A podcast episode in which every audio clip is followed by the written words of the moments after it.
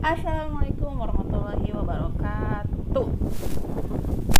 Nah, balik lagi nih kita di Upigrafi Podcast. Nah, kita sekarang mau balik ke Random Talks dan Random Talk di yang ketiga ini, the third one. Apa ya kita mau bahas apa nih? Ya, kita mau bahas soal R E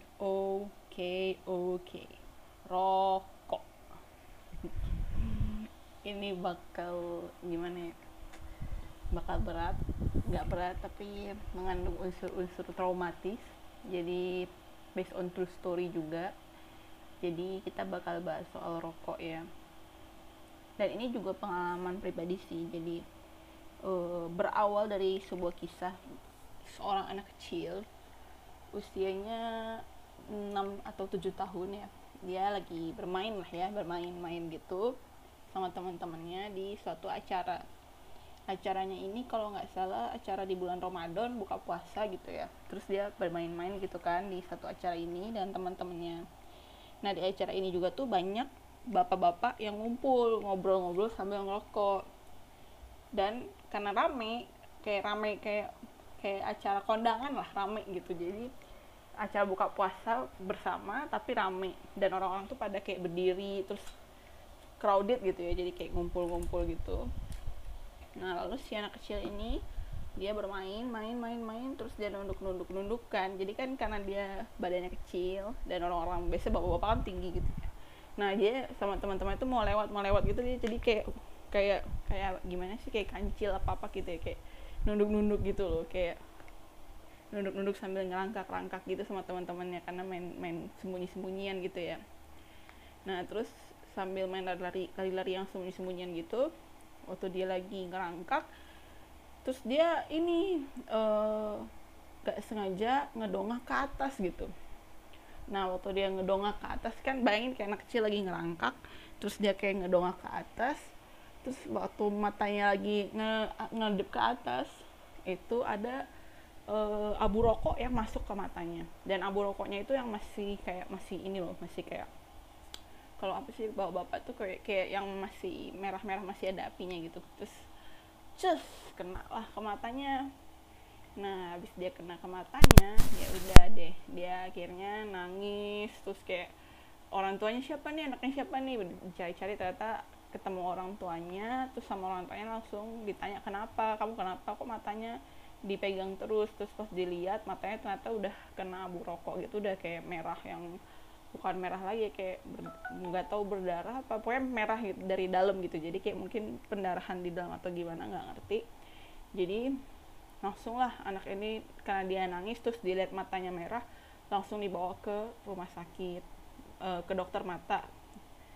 Nah begitu sampai ke dokter mata dokternya nanya kamu kenapa? Terus anak itu jawab kena api. Nah kan orang bingung loh bisa kena api gitu ternyata pas itu ibunya oh iya mungkin kena bapak-bapak yang ngerokok itu ada abunya mungkin yang, kayak api gitu.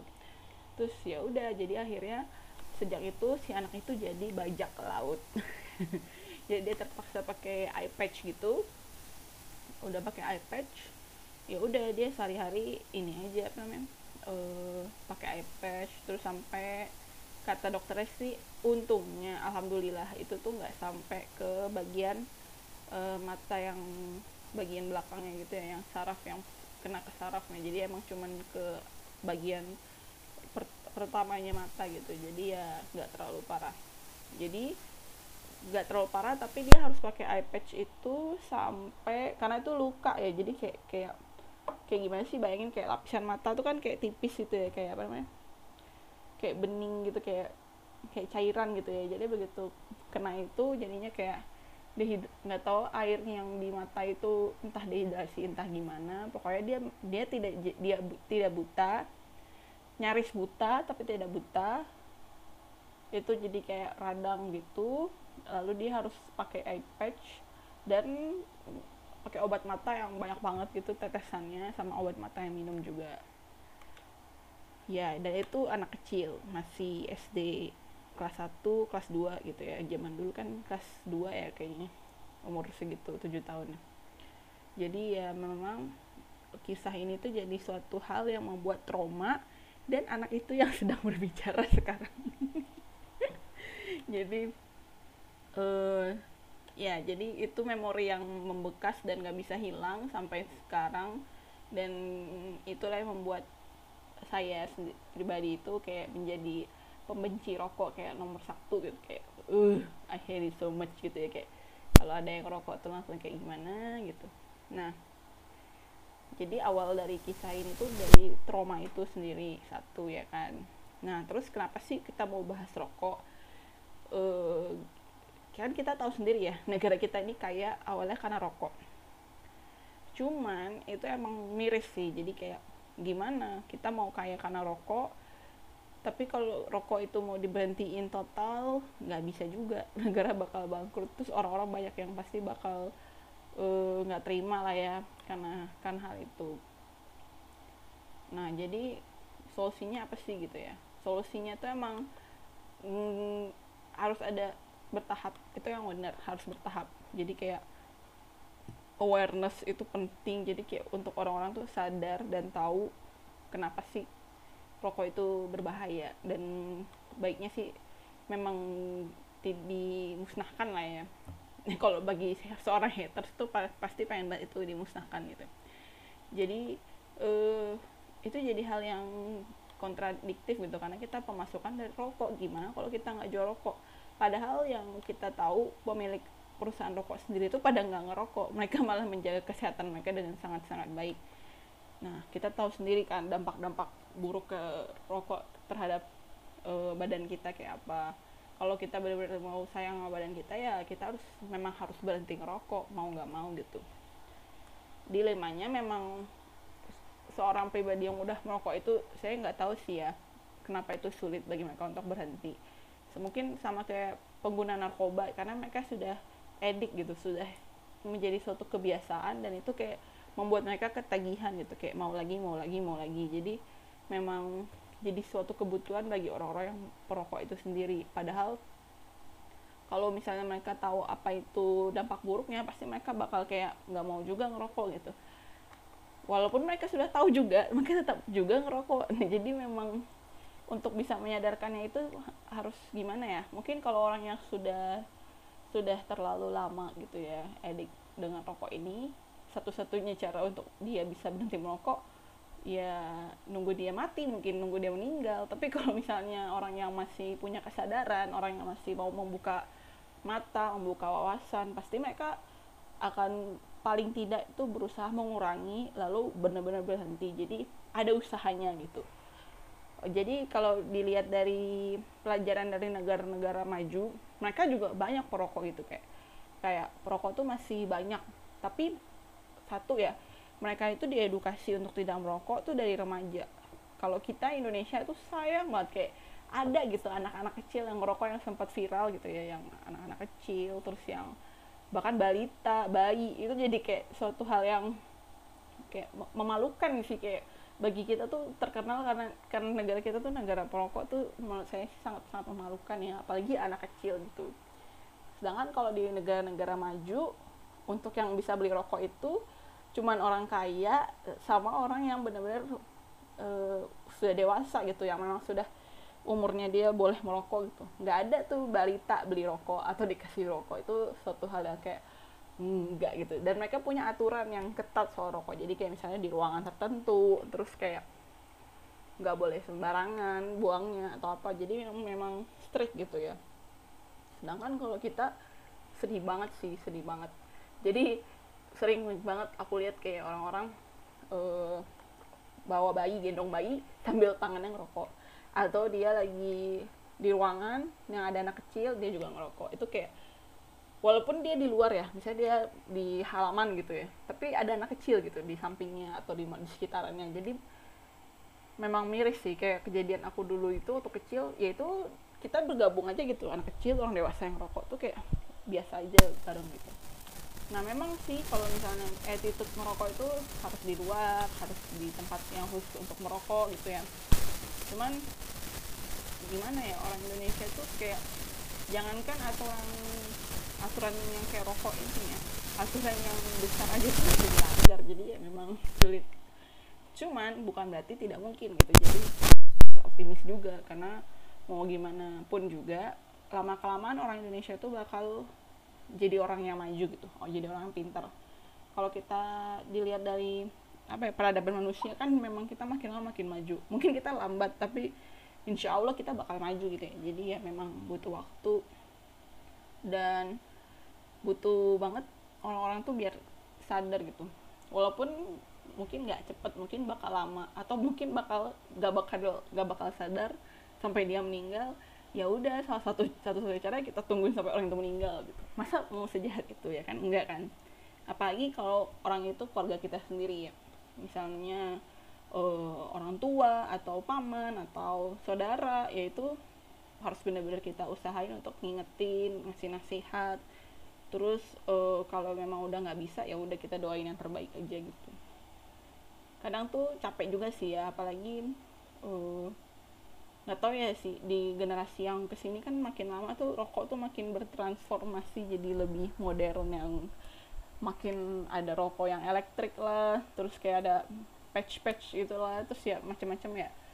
Cuman uh, menurut saya ya makin ke sini tuh inovasi itu makin makin apa ya? Makin aneh nggak sih kayak merokok tuh jadi kayak makin mudah gitu. Makin banyak uh, makin banyak pilihannya. Padahal sebenarnya kalau kita mau hidup panjang mau kita mau tetap sehat itu memang rokok itu harus dihentikan gitu. Karena zaman ke sini kan makin ke sini kan makin banyak penyakit ya. Apalagi lagi pandemi kayak gini. Jadi kita emang harus bener-bener concern gitu. Bener-bener harus buka mata gitu. Oh iya ini tuh penting untuk kita bisa survive hidup gitu. Kecuali kalau emang kita emang sudah putus asa dan udah nggak peduli lagi sama hidup di dunia ini ya udah. Tapi kalau kita mau umurnya panjang kita mau sehat kita mau bisa dekat sama keluarga kita kita masih mau berprestasi kita masih mau berusaha. Jadi memang kalau bisa sih sebisa mungkin tuh berhenti gitu. Karena memang satu-satunya cara tuh ya berhenti gitu mau gimana lagi. Mau tetap merokok ya udah sampai sampai meninggal gitu kalau mau ya udah silakan. Kalau masih mau keras kepala tetap merokok ya udah. Tinggal kita tunggu ajalnya gitu. Jadi cuma yang bikin lebih sedih lagi kenapa rokok ini benar-benar kayak kalau menurut saya sih udah kayak virus ya udah kayak pandemik juga udah kayak udah kayak satu hal yang benar-benar benar-benar apa ya benalu gitu. Kayak kalau istilahnya tuh benalu ya. Parasit gitu ya. Jadi eh, ya itu dia itu nggak cuman berdampak ke diri orang yang merokoknya tapi ke orang sekitarnya juga.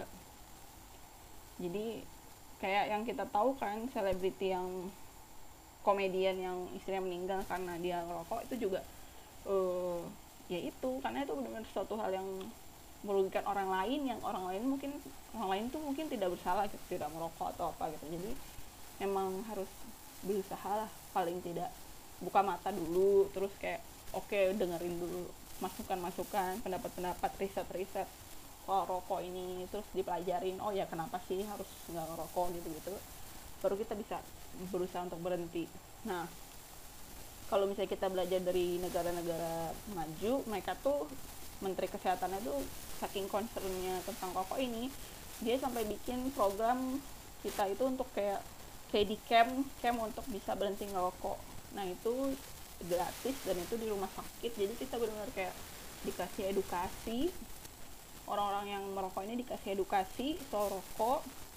Terus dikasih kayak apa ya training kayak apa ya istilahnya tuh kalau misalnya orang yang lagi sakit pemulihannya gitu loh kayak gimana sih cara-caranya terus dikasih puasanya daya teri rokoknya tuh gimana ini terapinya ya terapi supaya bisa berhenti ngerokok sampai sampai dia tuh bisa bisa bisa berhenti merokok gitu. Jadi kalau menurut saya sih kalau misalnya kita mungkin ke permasalahan di kesehat di fasilitas kesehatan Indonesia tuh masih banyak ya. Apalagi belum sampai ke daerah-daerah gitu kan. Belum mungkin belum merata gitu di pelosok-pelosok segala macam.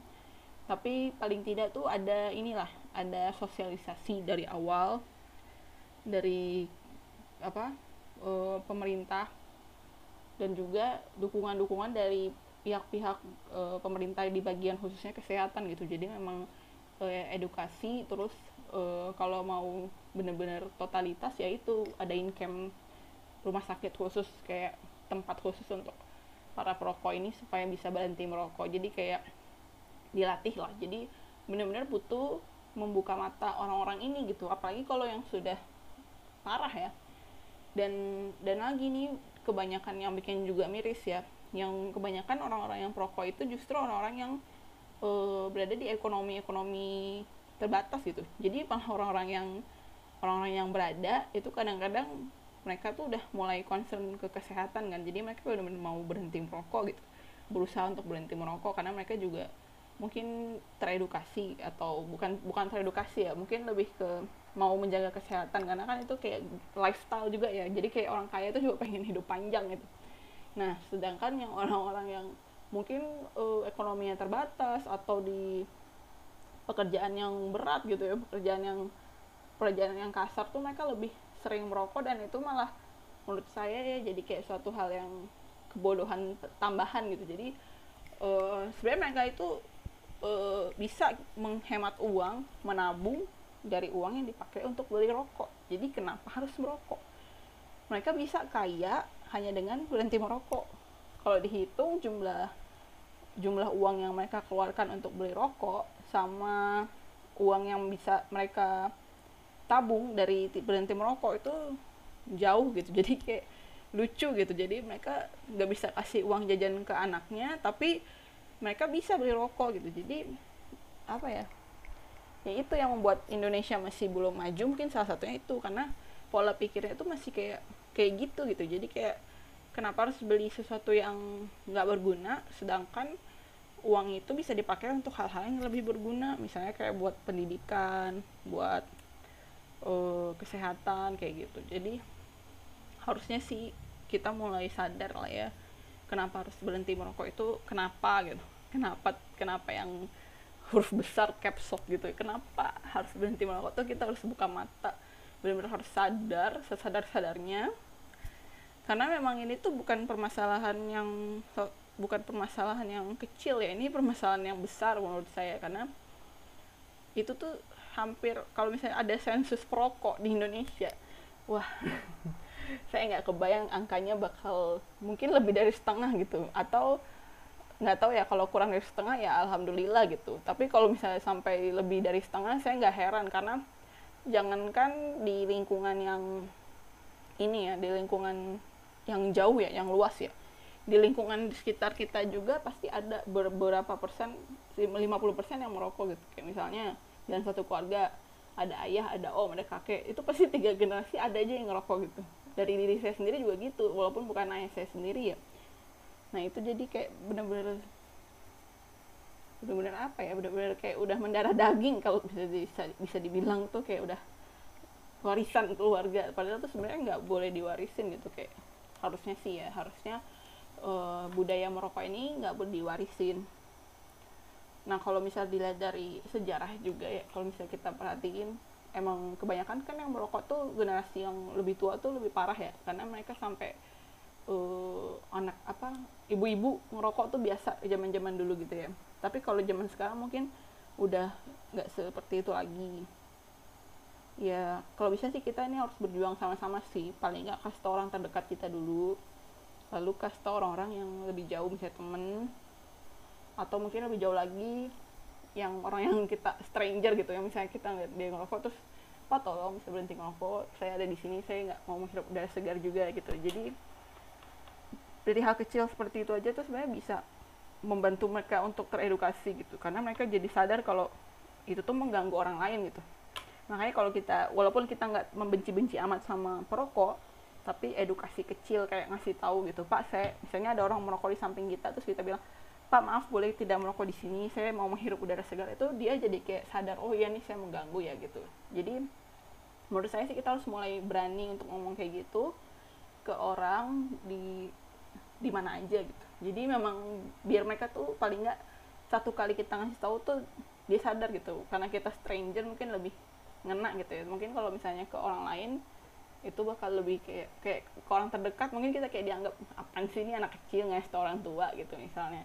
Saya ngasih tahu ke yang lebih tua ya atau ngasih tahu yang lebih muda. Ini ngapain sih ngasih tahu nih mak-mak gitu ya nah itu uh, memang apa ya harus dicoba dan jangan pernah malu untuk ngasih tahu orang lain supaya tidak merokok. Karena itu untuk keba kebaikan kamu juga dan semoga orang yang kamu kasih tahu itu juga bisa kena impact yang baik juga dari nasihat kamu itu. Jadi oke okay, campaign berhenti merokok itu memang harus kembali dilugaskan ya. Mungkin uh, topik ini emang topik sedikit sih nggak nggak nggak berat-berat amat sih sebenarnya. Cuman kayak kalau semakin banyak orang yang menyuarakan mungkin bakal semakin baik dan itu makin semakin apa ya semakin membuat orang lain juga sadar ya.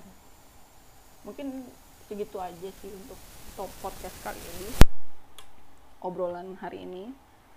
Bukan podcast ya ini cuma obrolan nggak jelas random topik kita. Mohon maaf kalau ada salah-salah kata mohon maaf juga kalau misalnya topik ini bikin kamu kesentil atau tertampar tertusuk apalah gitu ya. Mohon maaf juga kalau kalau misalnya kamu ada yang mau disampaikan silakan ke email epigrafi@gmail.com jangan lupa. Wassalamualaikum warahmatullahi wabarakatuh. See ya